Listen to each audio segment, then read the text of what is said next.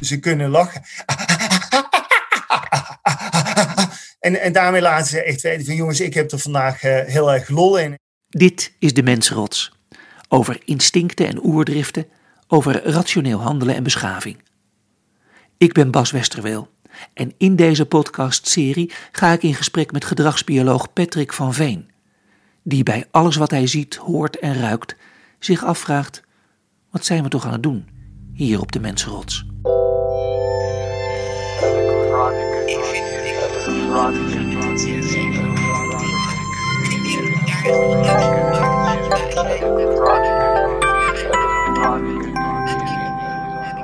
Dag allemaal, fijn dat jullie luisteren naar De Mensenrots. Patrick, fijn dat je er ook weer bent. Uh, vorige week hadden we het over geheimen. Nou, dat was een schot in de roos. Bleken er nog veel meer geheimen achter geheimen te zitten. Die geheim gehouden moesten worden. En ook geheim gehouden werden. En kortom, we hadden echte inzagen. Voordat we aan ons hoofdonderwerp beginnen. Heel eventjes deze week duiden. We hadden gewoon echt inzagen in letterlijk de mensenrots. Er zaten jonge, nieuwe uh, Kamerleden met een verse banaan op de, op de mensenrots. Die kregen bloemen. En tegelijkertijd was er gewoon een soort puinhoop waarin de baasjes hun macht aan het verliezen waren en spelletjes werden gespeeld. Hoe heb jij het beleefd?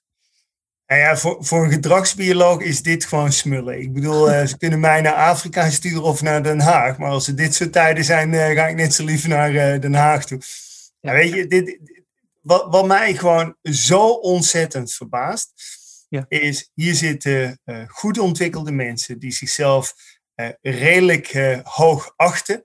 Eh, die elkaar heel hoog achten, die soms met fantastische woordspelingen elkaar gewoon letterlijk uh, uh, lopen af te maken. Stoelpoten eronderuit zagen, bananen afpakken, op de borst slaan. En hier krijg je echt in een soort mini-versie te zien. Wat, wat, wat de apenrots is of de mensenrots waar wij over praten. En er is ook wel iets leuks. Hè? We hebben 150 Kamerleden. En, en het getal 150 is in de biologie en antropologie een heel belangrijk getal.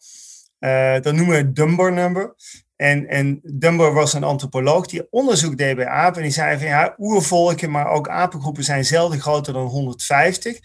Want binnen 150 kun je alles overzien. Daar, daar, daar ontstaat geen anonimiteit. Iedereen kent elkaar.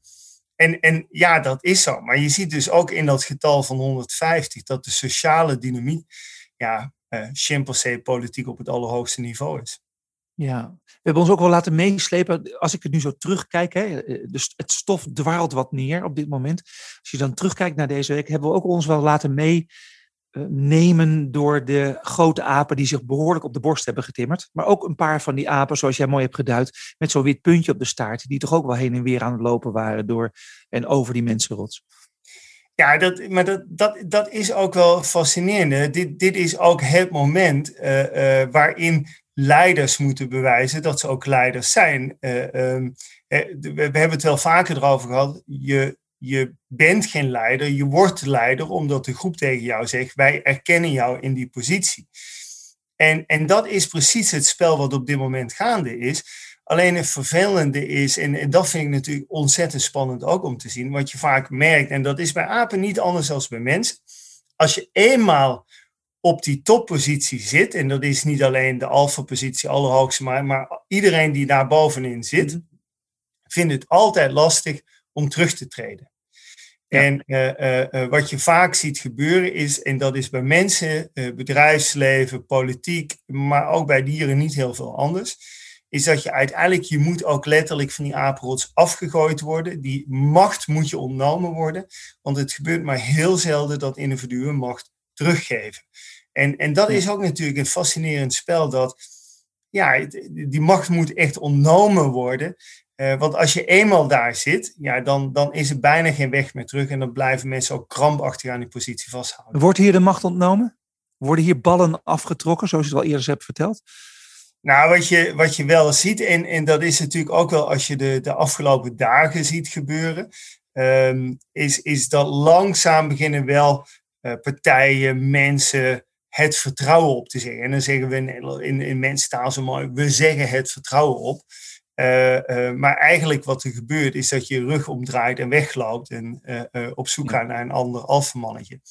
En dat is vaak een weg die, ja, daar kun je bijna niet meer op teruggaan. En dat gebeurt overigens niet alleen in, in, in Nederland. Ik, ik volg altijd zelf heel uh, intensieve Belgische nieuws. Ja, als je daar de krantenkoppen leest, uh, uh, daar, daar gaat het nog veel harder aan toe met hun perspectief op de Nederlandse politiek. Daar wordt op dit moment echt gesmuld. Nog eentje voordat we naar ons hoofdthema gaan van vandaag. We gaan het hebben over emoties. Uh, nou, dat past hier eigenlijk ook wel bij. Ik las een stukje even over dat iemand uh, schreef over Rutte dat hij het zo zielig vond eigenlijk dat hij niemand heeft thuis om even opgevangen te worden. Dat hem dat misschien juist wel sterker had gemaakt in deze situatie. Nou ja, of, of misschien wel iemand die uh, thuis had gezegd van joh, joh ding eens even na, blijf morgen lekker thuis en ja. laat het gewoon afzetten. Nou, het, het, is wel, wat, wat voor mensen heel vaak geldt, uh, is wij zijn onderdeel van heel veel verschillende sociale structuren. Uh, dat is on, ons werk, dat is de sociale structuur, ons privéleven is ons, een sociale structuur, maar ook vrienden en hobby's. En wat je heel vaak ziet aan de top gaat dat bijna door elkaar heen lopen en hebben mensen nog maar één sociale structuur. En zeker als er geen privéleven is, uh, ja. ja. dan wordt het eigenlijk nog veel harder. Dus het is, ja. ik weet niet of het zielig is, uh, maar het zou goed zijn dat af en toe van verschillende kanten gereflecteerd wordt. En dan kan ja. een partner soms wel helpen. Nou, een beetje zo'n apenarm om je heen is ook niet, af en toe niet zo slecht. Ik gun het hem zeer. Um, uh, we hebben het over ja, emoties. Jij kwam opeens aan, je zegt, moet je luisteren, schreef je via de app. Uh, de passion, en iedereen zit er naar te kijken. Nou, de emoties hebben natuurlijk ook op de Mensrot, Apenrots in Den Haag hebben we gezien. Maar de passion valt erachteraan. Het is Pasen. Kom maar op met je emoties. Ja, mooi hè? Ja, nou, weet je, de, de, eigenlijk, um, eigenlijk begint het al een paar dagen eerder. En uh, eigenlijk hadden we het daar vorige week ook over kunnen hebben, namelijk ja. Palm Pasen. En uh, uh, nou ja, mensen die dat niet zo goed kennen, dat verhaal, maar dat is eigenlijk een soort collectieve waanzin dat, dat Jezus op een ezel, was het Jeruzalem kan binnenrijden? Ja, Jeruzalem kan binnenrijden. Ja. Ja. Ehm, zo goed ken ik de geschiedenis ook dus blijkbaar niet. Maar uh, als, je, als je dat dan leest, hè, en, en, en dan kun je nou natuurlijk altijd afvragen, hè, hoe goed is die geschiedschrijving, maar er is een soort collectieve waanzin van, ja, da, daar komt de nieuwe leider binnen. En, hmm. uh, um, en waarom vind ik dat zo'n mooi verhaal? Omdat dat is een verhaal eigenlijk van wat we noemen collectieve emotie. Collectieve waanzin. En mensen beginnen zich op te naaien en, en vragen aan elkaar wie komt daar en wie is dat. En, en opeens krijgt iedereen dat gevoel van ik moet daar onderdeel van zijn. Nou, en, en dan heb je de passion. En dat vind ik eigenlijk ook wel een beetje. Nou, ik weet niet hoe lang ja. er nu bestaat, de passion, maar volgens mij een jaar of tien. En op een gegeven moment ja, is er bestaan. En wat het wonderbaarlijke is, is dat mensen, heel veel mensen helemaal niet meer gelovig zijn. Uh, maar toch aan die televisie gekluisterd zijn. Mensen niet meer naar de kerk hebben of niks meer met een kerkelijk leven hebben of een gelovig hebben. Maar toch onderdeel willen zijn van die collectieve emotie die het oproept. En, en, en mensen worden ontroerd en mensen kijken ernaar. En, en dat is eigenlijk wel iets heel bijzonders, dat emotie zo collectief beleefd wordt. Maar dat er dus blijkbaar ook vandaag de dag nog een soort behoefte is dat wij met elkaar een emotie willen beleven. En realiseer je dat dit, dit gaat heel ver. Hè? Een, een heel ander beeld. Deze week kwam ook in het nieuws bij het Eurosong Festival ja. publiek aanwezig zijn. En, en, en uh, uh, ja, dan denk je, ja, uh, lekker belangrijk. Hè? Van, van, ja, dan is daar publiek bij aanwezig. En ja, ja dus willen mensen blijkbaar in die zaal zitten. En, en, en dat doet dus iets. En waarom vind ik dat dan weer zo mooi? Omdat uh, blijkbaar willen we dat beleven, daar willen we bij zijn en daar willen mensen ook onderdeel van zijn. En vaak is dan het beleven van die collectieve emotie is een ontzettend belangrijk gegeven. En uh, dat is natuurlijk voor biologen wel interessant, uh, interessant voer. Van waarom willen we dat dan eigenlijk? En waarom is dat dus ook al blijkbaar door de eeuwen heen en, en uitzicht dat tegenwoordig in een tv-uitzending. Ik weet niet, maar meer dan 2 miljoen mensen hebben geloof ik gekeken. Ja, ruim, natuurlijk. Ja, ja, en, en dat is vinden. bijzonder. En, en overigens realiseer je dat dat gebeurt ook als All You Need Is Love wordt uitgezonden. Dan willen we dat ook met z'n allen kijken. Dus we hebben die, die behoefte om die emotie gemeenschappelijk te beleven, is blijkbaar ontzettend ja. groot. Dat is natuurlijk. Hey, En, en de collectieve emotie, dat begrijp ik wel, ergens waar je bij wil zijn. Hè? Je haalt even het verhaal aan van uh, Jezus op het ezeltje uh, Jeruzalem binnenrijdend. Wie is dat en wat moeten we ermee? Nou, dat is het verhaal opgebouwd allemaal. Hè? En uh, uiteindelijk loopt ja. het niet goed met hem af, of juist heel goed voor de mensheid. Dat weet ik niet.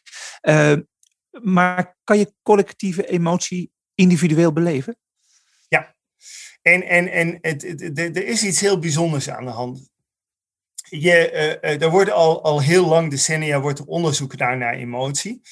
En uh, wat we weten van emotie is dat bijna alle basale emoties mm -hmm. uh, hebben een sociale functie. Dus als ik een emotie voel, dan is het niet zo dat ik alleen die emotie wil voelen, maar ik wil die emotie ook uitstralen en jou een boodschap geven. Zodat ik hem ook voel. Zodat jij hem voelt, maar ook begrijpt wat is mijn toestand. He, dus, dus op het okay. moment dat ik uh, verdrietig ben, dan, dan wil ik dat jij weet dat ik verdrietig ben. Ja. En, en, en dan, dan ben jij ook bewust van, joh, er is iets aan de hand, ik moet hem even met rust laten. Of als ik blij word, dan word jij ook blij. Of als ik boos word, dan word jij ook heel snel boos. En het bizarre is dat emoties zijn zo opgebouwd dat als je bij mij een emotie ziet plaatsvinden, dan, dan is die emotie, zou je kunnen zeggen, besmettelijk. En ga jij die ook voelen. En het rare is dat, dat wij mensen dus blijkbaar die emoties altijd collectief willen beleven. Niet alle natuurlijk. En er zijn, en je wilt ook af en toe droevig zijn in je eentje. Je wilt af en toe blij zijn in je eentje. Maar het grappige is dat op een of andere manier die hormonen die vrijkomen. Hè, want bij emoties, ja, daar kun je al uren over praten. Wat is een emotie en hoe functioneert dat ja. in het lijf? Maar er gebeurt iets waar we uiteindelijk zeg maar uh, uh, uh, behoefte aan hebben. En daar, daar raak je eigenlijk zeg maar de kern van het verhaal. Is blijkbaar hebben wij biologisch gezien een soort behoefte om emoties te beleven. En of die emoties nu droevenis is, hè, of, of, of, of uh, uh, dat we ons uh, droevig willen voelen, of mm-hmm. dat we blij willen zijn met z'n allen. Um, dat we ontroerd willen raken, hè, dat is wat bij de passion gebeurt. Hè. We willen ontroerd raken, we willen geraakt raken. En door dat uiteindelijk gemeenschappelijk te doen, bouwen zich groepen op. Ja. Uh, word je onderdeel ja. van een team, word je onderdeel van een groep. En dat is eigenlijk wel heel erg bijzonder. Is dat ondanks dat we tegenwoordig in hele grote anonieme groepen leven, uh, willen we juist door die emoties verbinding maken. En dat is ook uh, waar evolutionair biologen heel lang mee hebben zitten worstelen. Wat, wat, waarom willen we dat emoties besmettelijk zijn? Waarom willen we uiteindelijk dat emoties overgedragen worden. Nou, soms is het praktisch, want weet je, als ik boos word, ik moet even een uur lang niet bij hem in de buurt komen. Dat is handig om te weten. Maar ja. bijvoorbeeld het besmettelijk zijn van emotie als ontroering of het besmettelijk zijn van een emotie als blijdschap. Ja. Daar, daar zit vooral in de verbinding willen voelen. Ja. En het tweede element wat waarschijnlijk speelt, is dat heel veel emoties roepen ook aangename gevoelens op. Dus op het moment als ik iets zie waar ik door geraakt word, kan dat ook een hele aangename emotie zijn. Ja. En, en het mooie is, ik hoef niet alles zelf te beleven. Uh, uh, maar ik kan soms uh, door naar een situatie te kijken wel hetzelfde gevoel krijgen. En dat is bijvoorbeeld dus ook de kracht van een film. Dat is de kracht van muziek. Ja. Dat ik geraakt kan worden en daardoor dat lekkere gevoel oproep. Nou, Oorspronkelijk ja. zal uh, uh, in de evolutie nooit bedoeld zijn geweest uh, om ons klaar te stammen voor de film of om een muziekstuk nee, te luisteren. Nee. Maar het grappige is, waar de evolutie ons wel klaar voor heeft gestoomd, is dat we onderdeel kunnen zijn en willen zijn van een groep. En dat is natuurlijk wel een belangrijk element, want als je mensen hebt die geen emotie kunnen voelen, mm. mensen die niet dat inlevingsvermogen hebben, ja, dat zijn mensen die uiteindelijk ook buiten een groep gaan vallen. Het beleven ja. van emotie, het kunnen ondergaan van die emotie, je kunnen verplaatsen in ander, is dus vooral een heel belangrijk mechanisme om onderdeel te kunnen zijn van een groep. En dat ja, is waarschijnlijk waarom die collectieve beleving zo belangrijk is. Geworden. Ja, en wat grappig is dat je binnen die groep dan, hè, waar je misschien al toe behoort, ook alweer je eigen emotiebubbel kan veroorzaken. Hè. Dus ik kan klassieke muziek heel mooi vinden en, en jij misschien niet. Hè. Zelfs geraakt worden door eh, klassieke muziek. Hè, dat de tranen over mijn wangen bungelen als het ware. Eh, en jij niet. Hè. Dus dat, dat maakt ja. een onderscheid tussen ons. Maar het verbindt ook. Het kan ook verbinden op die manier. Zo krijg je binnen de groep ook weer kleinere groepjes. Ja. Heeft dat dan nog effect op gedrag? Nou ja, overigens, dat, dit is sowieso wel een heel fascinerende. Hè? Want, want kun jij geraakt worden door klassieke muziek omdat er ergens in jouw ja. oermechanisme, in je intrinsieke genenmateriaal, ergens een, een gen zit dat zegt: Ik vind klassieke muziek mooi. Ja, bestaat dat? Is, dat? is dat onderzocht? Ja? Daar is onderzocht, maar is nooit aangetoond. Dus wij denken vooral ook uh, dat dit cultureel bepaald wordt. Dus wat het bizarre is, je wordt waarschijnlijk je, je biologisch mechanisme zegt eigenlijk, je kunt ontroerd raken door iets wat een ander produceert of wat een ander doet. Ja. Uh, um, waardoor je ook verbinding voelt met gelijkgestemden. Ja. Maar het rare is, wat dat mechanisme is, dat weten we niet. Hè? Dus dat wordt waarschijnlijk aangeleerd. Uh, uh, ik, ik vind het altijd heel bijzonder als je naar muziek luistert. Wij hebben een hele Europees-westerse uh, beleving van muziek. Als je soms naar Aziatische muziek luistert of Afrikaanse muziek luistert, mm. dan kan dat heel atonaal voor ons werken. Die, die, die toonladders die wij hebben, die hebben ze in Aziatische landen, hebben ze daar variaties op.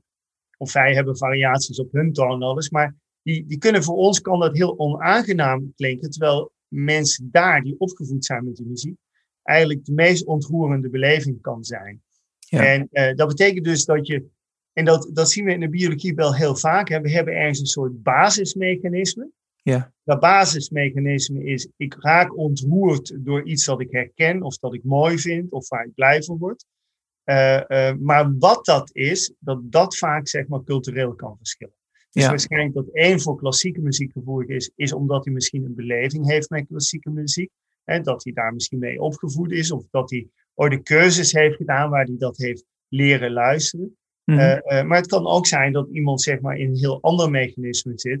Uh, en, en, of in een andere groep is opgegroeid en daar ja. een heel andere beleving heeft gehad. Ja, dus hier ook alweer hier uh, bubbels, zeg maar, waar, waar ja. je in kunt schieten. Ja, dat is interessant. Als je je emoties dus laat zien, heeft de ander daar wat aan. Maar als je nou de emoties onderdrukt? Kan niet. En dat, uh, dat zeg ik heel snel, kan niet. Uh, is, is mooi. Darwin die, die deed daar zelfs al onderzoek naar, naar emoties. Die heeft hele bizarre experimenten gedaan. Paul Ekman ging dat veel later doen. die, die is er uiteindelijk ook weer beroemd mee geworden. Maar ook heel veel andere emotieonderzoekers. Die zeggen ook, je kunt emoties onderdrukken en ook daar zie je culturele invloed. Hè? Want in sommige culturen is men heel goed om de persoonlijke emotie te mhm. onderdrukken. Maar wat je dan heel vaak aan de andere kant ziet, is, is dat die basale emotie, die komt altijd wel naar boven. Alleen het grappige is, ik beleef hem en ik toon hem. Mhm. En de cultuur leert mij dan, moet ik hem meteen onderdrukken of niet? En in sommige culturen uh, uh, heeft men geleerd om die vooral niet te onderdrukken en is die ook heel breed zichtbaar. En in sommige culturen heeft men geleerd om die emotie te onderdrukken. Alleen het bizarre is dat een goed waarnemer, een getraind waarnemer, kan heel vaak die, die emotie ook wel snel uh, oppikken. Plus, wat we ook denken, is dat ehm, je, wij mensen praten altijd over buikgevoel. en het bizarre is, die buik die voelt helemaal niks. Die doet ook helemaal niks. Uh, maar onze zintuigen die verzamelen soms informatie uh, en, en, en vormen uit die informatie een bepaalde status, een bepaald gevoel, een emotie bijvoorbeeld. Terwijl ons brein helemaal niet in de gaten heeft wat is er nu gebeurd, wat heb ik waargenomen, wat, wat, wat, wat waren de signalen. Maar uiteindelijk, we hebben dat vrij snel geprocessed. Hè. Die computer die werkt mm. sneller dan, uh, dan we kunnen denken eigenlijk. En dan, dan heb je dus iets waargenomen, kleine minimale signalen die mhm. jou dan op een gegeven moment vertelt, hé, hey, die persoon is droevig, of, of de, de, de, de sfeer is hier agressief. Uh, of, of ja, weet je, hier hangt wel een gemoedelijke sfeer. Zo zeggen we dat dan ook. En je kunt niet precies de vinger erop leggen wat dat is, maar uiteindelijk voel je het wel. Um, kunnen emoties ook helend zijn? Nou, wat je, kijk, wat, wat er gebeurt, en zeker als je het hebt over collectieve emoties, is het onderdeel worden van een groep heeft een positief effect. dus wat je vaak merkt is dat mensen die een negatieve emotie hebben, door onderdeel van een groep te worden en het gevoel te hebben, ik ben niet de enige die die emotie beleeft, kan het uiteindelijk een helend effect hebben. Hmm. Ehm, emoties kunnen ook een corrigerend effect hebben. dus als jij bijvoorbeeld een emotie ervaart van uh, uh, spijt, dan heeft dat waarschijnlijk een effect dat dat uiteindelijk ook na, ja, het, het als gevolg heeft dat jij je eigen gedrag gaat corrigeren. Hm. Dus emoties hebben een corrigerend effect. Het hebben een, verbinding, een verbindend effect. Um, een hillend effect, ja, dat denken we ook. We denken ook bijvoorbeeld dat uh, uh, emoties als rouw, dat die absoluut... Daar wou ik het net over hebben, over die, die dansende... Uh, weet je, wij zijn natuurlijk zeer bescheiden hè, als het bij de rouw is. Maar er zijn natuurlijk volkeren of stammen die gaan dansen of die gooien het eruit. Of die schreeuwen of die huilen heel hard. Huilende vrouwen en, en, en schreeuwende. En, en ja, door, door die emotie te, te beleven ga je ook... Uh, kijk, als je nadenkt over... Nou, de, de, de emotie die we vaak bij rouw hebben is dood. Maar ons oerbrein vindt het heel lastig om te begrijpen wat dood is. Uh, um, als je dieren observeert, ja, die, die reageren heel merkwaardig op dood. Sommige dieren reageren er helemaal niet op, hè, dus als een groepslid sterft. Uh, andere dieren die duwen er eens een paar keer tegen en lopen dan weg. En sommige dieren blijven gewoon urenlang bij een overleden individu zitten. En het bizarre is dat we weten eigenlijk niet goed wat er op dat moment in het hoofd van een dier gebeurt. Maar hmm. ook bij mensen. Wij vinden het heel lastig om te begrijpen wat dood is. Ja, we kunnen dat tegenwoordig natuurlijk heel goed beredeneren. Hè. We kunnen heel goed uitleggen wat hersendood is. Wat, hè, wat er gebeurt als het hart stilstaat kunnen we al helemaal goed uitleggen. Maar uiteindelijk moet je ook de werkelijkheid van de dood gaan verwerken. En, en waarschijnlijk dient dus een emotie als rouw, dient ervoor om ook te begrijpen, ja, maar wat is er nu gebeurd? En wat, wat is de nieuwe status? Dus bijna als een soort overgangsritueel van onderdeel zijn van met iemand naar alleen zijn. Of uh, onderdeel zijn uh, dat iemand deel is van je leven en daar afscheid van nemen. Uh, uh, ja, dat, dat zijn natuurlijk uh, rituelen, maar ook emoties die waarschijnlijk een heel belangrijke functie hebben om ook in ons brein te snappen wat gebeurt er uiteindelijk. Ja. Welke onderzoeken zijn er eigenlijk allemaal gedaan bij? Nou ja, jij bent een apenonderzoeker voor een groot deel in je, van je leven geweest, nog steeds wel. Um, ja. Wat hebben jullie daar onderzoek gedaan naar emoties? Ja, er is al, maar dit is ook altijd een hele gevaarlijke. En, en onderzoekers zijn daar heel erg lang al uh, met elkaar aan het ruzien.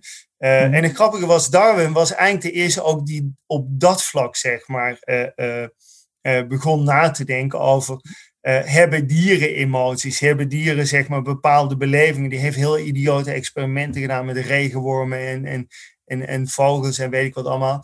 En, en, en, en die, die, die was eigenlijk een van de eerste die begon na te denken over hoe zit er bij dieren? En bij dieren is er vooral ook heel veel op, onderzoek gedaan in het wild.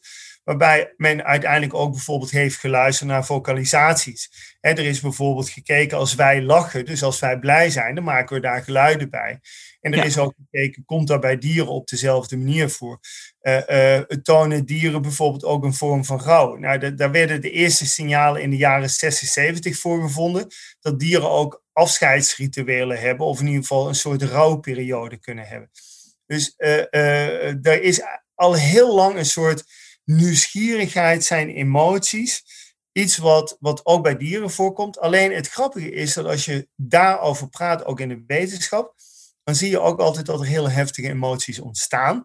Omdat er ook heel veel wetenschappers nog steeds in de overtuiging zijn dat emoties iets is wat echt uniek bij mensen hoort. Terwijl ja. Heel veel mensen die dieren hebben ook heel erg goed snappen dat je hond echt wel blij kan zijn, eh, maar dat je hond ook heel erg agressief en boos kan zijn. En dat is natuurlijk waar wij mensen heel vaak bij emoties, dan, dan gaan we heel erg hoog zitten nadenken over oh, eh, je bent blij en je bent vrolijk en je bent gepassioneerd en allemaal positieve emoties. Maar bij emoties horen ook negatieve emoties als agressie en boosheid, maar ook angst bijvoorbeeld. En dat zijn natuurlijk emoties die ook absoluut bij dieren uh, onderzocht zijn. En het grappige is dat in de wetenschap altijd een beetje discussie is dat men de neiging heeft om de negatieve emoties, dus angst, boosheid, agressie, om die aan dieren te koppelen. Terwijl de positieve emoties zoals uh, nou ja, uh, blijdschap, opgelucht zijn, dat dat vaak zeg maar, emoties zijn die we wat minder makkelijk aan dieren toedichten. Maar er zijn voldoende onderzoeken die ook aantonen dat een chimpansee ontzettend veel lol kan hebben. Ja, vertel eens. Nou ja, als je, als je ziet, uh, uh, chimpansees vinden het leuk om, om een verstoppertje te spelen. Chimpansees uh, vinden het prachtig om verrast te worden. En laten dat ook zien um, en, en gaan er ook nou ja, positieve beleving aan koppelen. Ze kunnen lachen. En, en daarmee laten ze echt weten van jongens, ik heb er vandaag uh, heel erg lol in en je kunt ze kietelen. En dan zie je ook dat ze dat onderling heel erg doen. Kiekeboe spelletjes spelen, dat doen ze ook in het wild.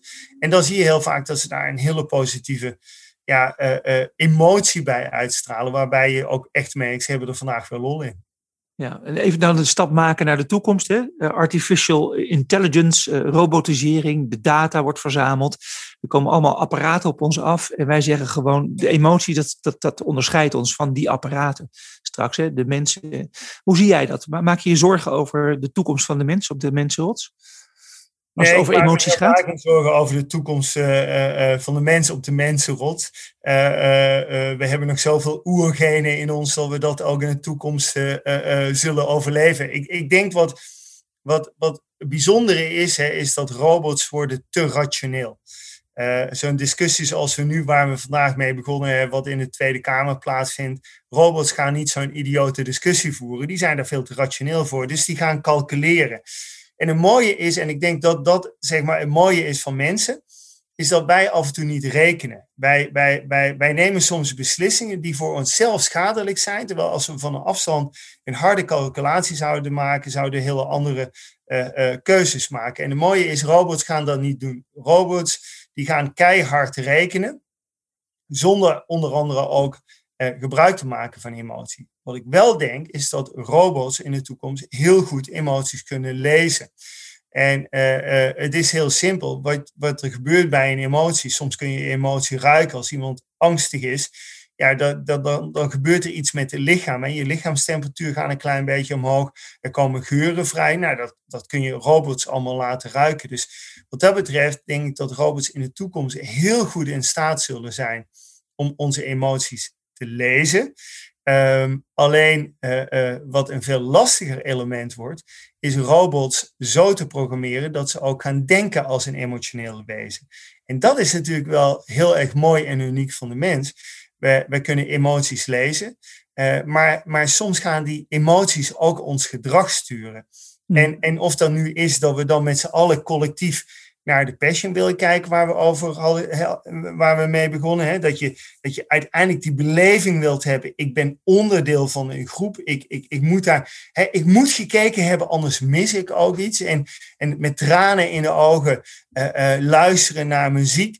Hè, dat, dat, dat, dat vinden we eigenlijk prachtig. Dat willen we ervaren. En, en die beleving, dat emotioneel willen zijn, ja, dat gaan de robots waarschijnlijk nooit leren en begrijpen. Althans, ja. voorlopig nog niet.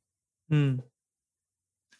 Ja, is mooi wat je zegt. Het is ook misschien maar goed dat we emoties nog niet helemaal goed begrijpen. Dat we ze misschien nooit begrijpen. Waarom ze nou precies vandaan, waar ze vandaan komen, wat het nou echt met ons doet.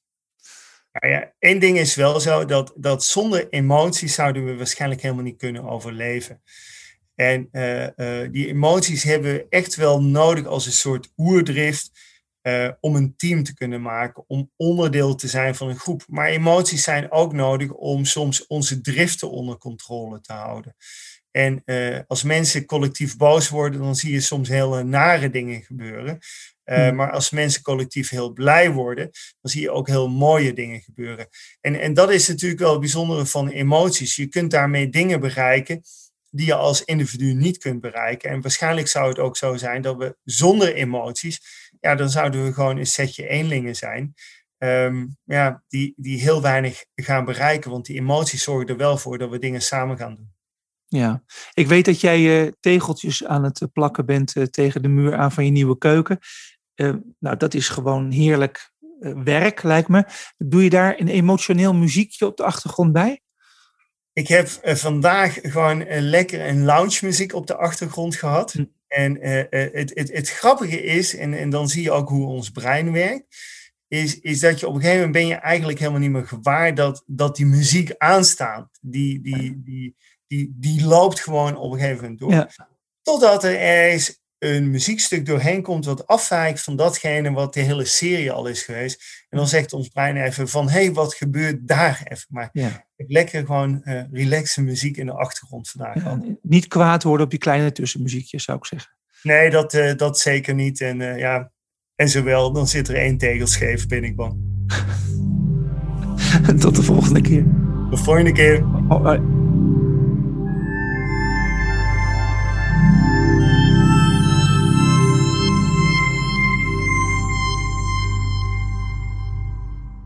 Dit was De Mensenrots. Abonneer je nu op deze podcast via Spotify, iTunes of jouw favoriete podcastplatform en ontvang elke week een nieuwe aflevering vol vergezichten en hersenspinsels.